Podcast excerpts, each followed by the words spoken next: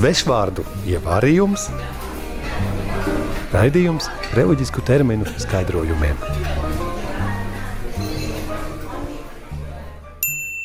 Šodienas burts ir Burts P.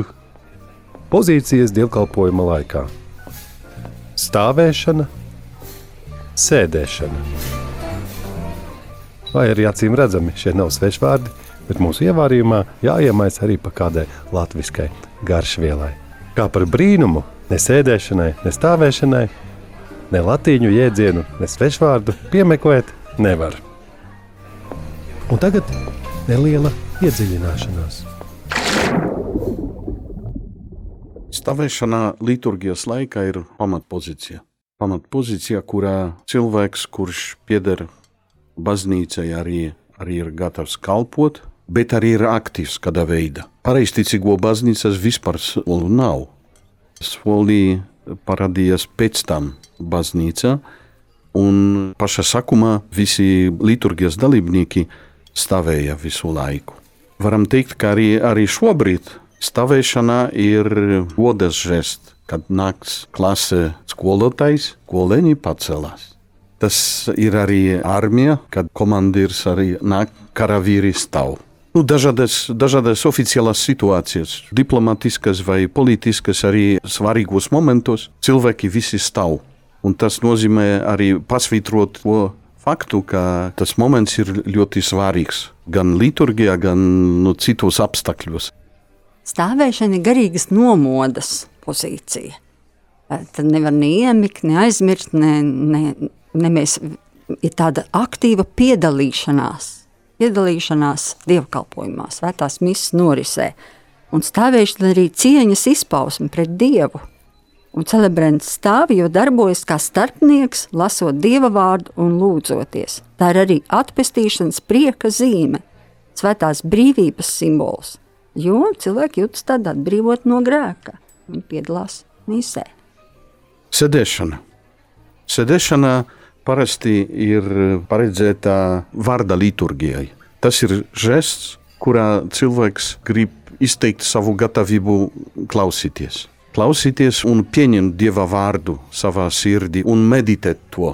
Nevis ar spriedzi, psiholoģisku vai fizisku, bet ar kādu relaksu. Tas, tas nozīmē, ka gatavība nav e, izspiesta psiholoģiski tikai ar brīvu gribu un labu gribu e, cilvēks pieņem šo dieva vārdu, lai pēc tam atbildētu uz to. Tādiem ļoti svarīgām personām bija pašām viņa pirka sēdvietas. Tad, kad soli vēl nebija baznīcā un visa tauta e, ar gatavībā piedalījās stāvot kājās misas laikā, šie ļoti īpašie rādskungi, melngalvi namatur bagātnieki bija nopirkuši tev vietas, un viņiem bija pat zīmītas tādas metāla ar uzvārdiem, katram sava vieta pasnīcā solā. Izrādās sēdus pozīcija. Dievkalpojuma laikā ir izņēmuma pozīcija, kas domāta tikai dievu vārdu uzklausīšanai. Izrādās, ka vai arī mūsu zemapziņā svētā mise kādam arī atgādina uh, kādu koncertu, kur rindās sēž un skatās notiekošo, nebūtu ne pamatpozīcija. Dievkalpošanā ir pozīcija stāvus. Un tagad iesaistīsim šo vārdu teikumā. Nē, Lītiņ, tas nav attaisnojums. Mums ir jā, jābrauc uz misiju.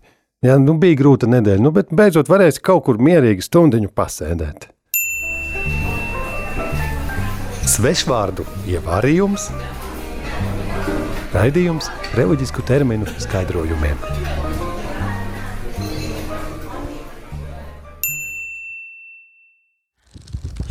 Burts, mm, mēja kulpa. Mana vaina. Šie ir vārdi, kuriem seko žests, sišana sev pa krūtīm. Un tagad sadzīviskais skaidrojums. Žests ir ļoti nozīmīgs, īpaši svētās misijas sākumā, jo grib izteikt, ka cilvēks, kurš nāk baznīca, nevis ir pagāni, kuri gribēja kaut ko dot dievam, bet grib pieņemt žēlastību. Un tā žēlastība ir piedošana, grēku piedošana vispirms. Tas ir svarīgi, jo ir ne tikai vārdi, mea culpa, mana vaina, bet arī sišana pa krūtīm.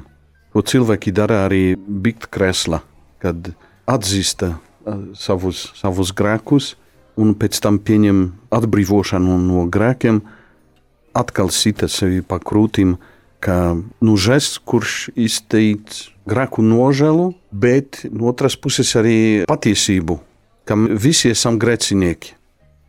Un Dieva priekšā mēs varam tikai lūgt atdošanu un šo žēlastību, lai mēs būtu cienīgi piedalīties šajā mīsē vai pieņemt komuniju.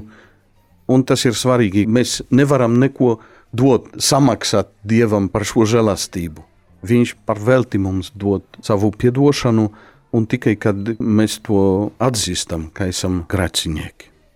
Pa krūtīm tiek sists tādēļ, ka no sirds nāk visas ļaunās domas. Un mēs to tā apzināmies, notiek sirdsapziņas izmeklēšana, un mēs atzīstam, un mēs neesam pašpietiekami, mēs nākam pēc pestīšanas, pēc atbrīvošanas. Pa krūtīm ļoti vēsturiski un tradicionāli tiek sists trīs reizes. Tas žests ir atkārtojams trīs reizes. Mana vaina, mana vaina, mana vislielākā vaina. Pat izmantojot to pārāko pakāpi. Bet tā kā ir nekonsekvence dažādās baznīcās, tad biskupa padome, konference, tā varētu teikt, biskupa konference, izdeva jaunus noteikumus, un tagad tiek ieteikts tikai vienu reizi sist pa krūtīm. Rezumējums. Īss izskanējušās informācijas apkopojums. Tātad latīniskā frāze mea culpa, mea culpa, mea maxima culpa nozīmē mana vaina, mana vaina, mana vislielākā vaina. Svešvārdu ievārījums, raidījums reliģisku terminu skaidrojumiem.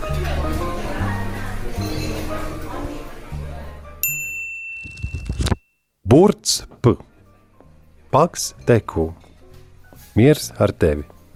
Šī frāze gan latīņu, gan latviešu valodā eh, svētajā misē izskan pēc diakona vai priestera aicinājuma sniegt miera sveicienu. Un tagad neliela iedziļināšanās. Miera zīmei ir dažādi veidi liturgija. Pašā sākumā vienmēr bija arī Bībele, ka bija skūpsts vispirms. Tas bija žests, kurš izteica ne tikai mieru, bet arī tuvumu starp ticīgiem cilvēkiem, mīlestību. Miers nenozīmē kara trūkums, kā teica e, Otrais Vatikāna koncils, bet, bet arī kaut kas vairāk. Un tas dieva miers rada arī mīlestību starp e, dievu un cilvēkiem un starp cilvēkiem. Liturgijā tas moments ir arī svarīgs pirms komunijas, lai pieņemtu šo komuniju ar mieru, ar izlīgumu savā starpā.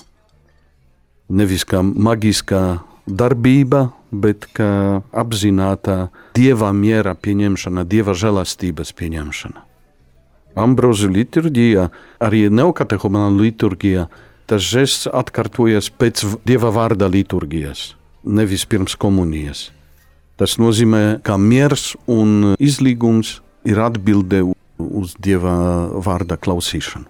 Miera zīme vai miera skūpsts tiek dots gan pasniedzot roku, piemēram, bieži vien tā ir, kad, un ieteikts ir, kad pa priekšu dod priesteris, tad citi vēl pasniedz rokas, viņš iedod šo mieru, un nākošie dod tālāk, un tā pa visu baznīcu bet nav ieteicams staigāt pa baznīcu, šķērsot baznīcu, traucējot liturģisko darbību. Tā, bet ir iespējams vēl arī, eh, tad, kad pandēmijas laikā vai, vai citādu iemeslu dēļ, vienkārši paklonīties visapkārt tuvākajiem cilvēkiem, pat misē, un tādā veidā salīgt ar viņiem mieru. Miera zīmi mēs sniedzam ne tikai sev pazīstamiem cilvēkiem, draudzes cilvēkiem, ar kuriem varbūt vēl vajadzīga izlīgšana, bet arī pilnīgi nepazīstamiem, pat neticīgiem cilvēkiem, kur varbūt ir atnākuši tikai paskatīties baznīcā, jo tā ir ļoti laba liecība par mīlestību. Nu, draugi, ja jau visi esam šeit savākušies, tad stāsts no dzīves. Kā pasākumu un kāzu vadītājs bieži esmu kāzu dievkalpojumos, kur tiek svinēta svētā, svētā mise neticīgu ciemiņu pulkā. Interesanti, ka īpaši šajās reizēs var just eh, milzīgu atmosfēras izmainīšanos pēc eh, miera sveiciena un šī dieva miera došanas. Rodas iespējas, ka pašam žestam jau līdz nāk kāda liela brīnišķīga žēlastība, pat ja mēs tam neticam vai to izdarām formāli. Svešvārdu ievārījums, raidījums reliģisku terminu skaidrojumiem.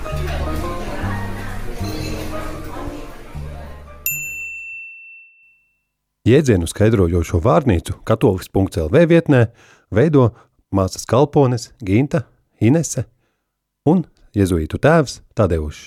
Savukārt radioversija top stingrā viestura vizuļa uzraudzībā.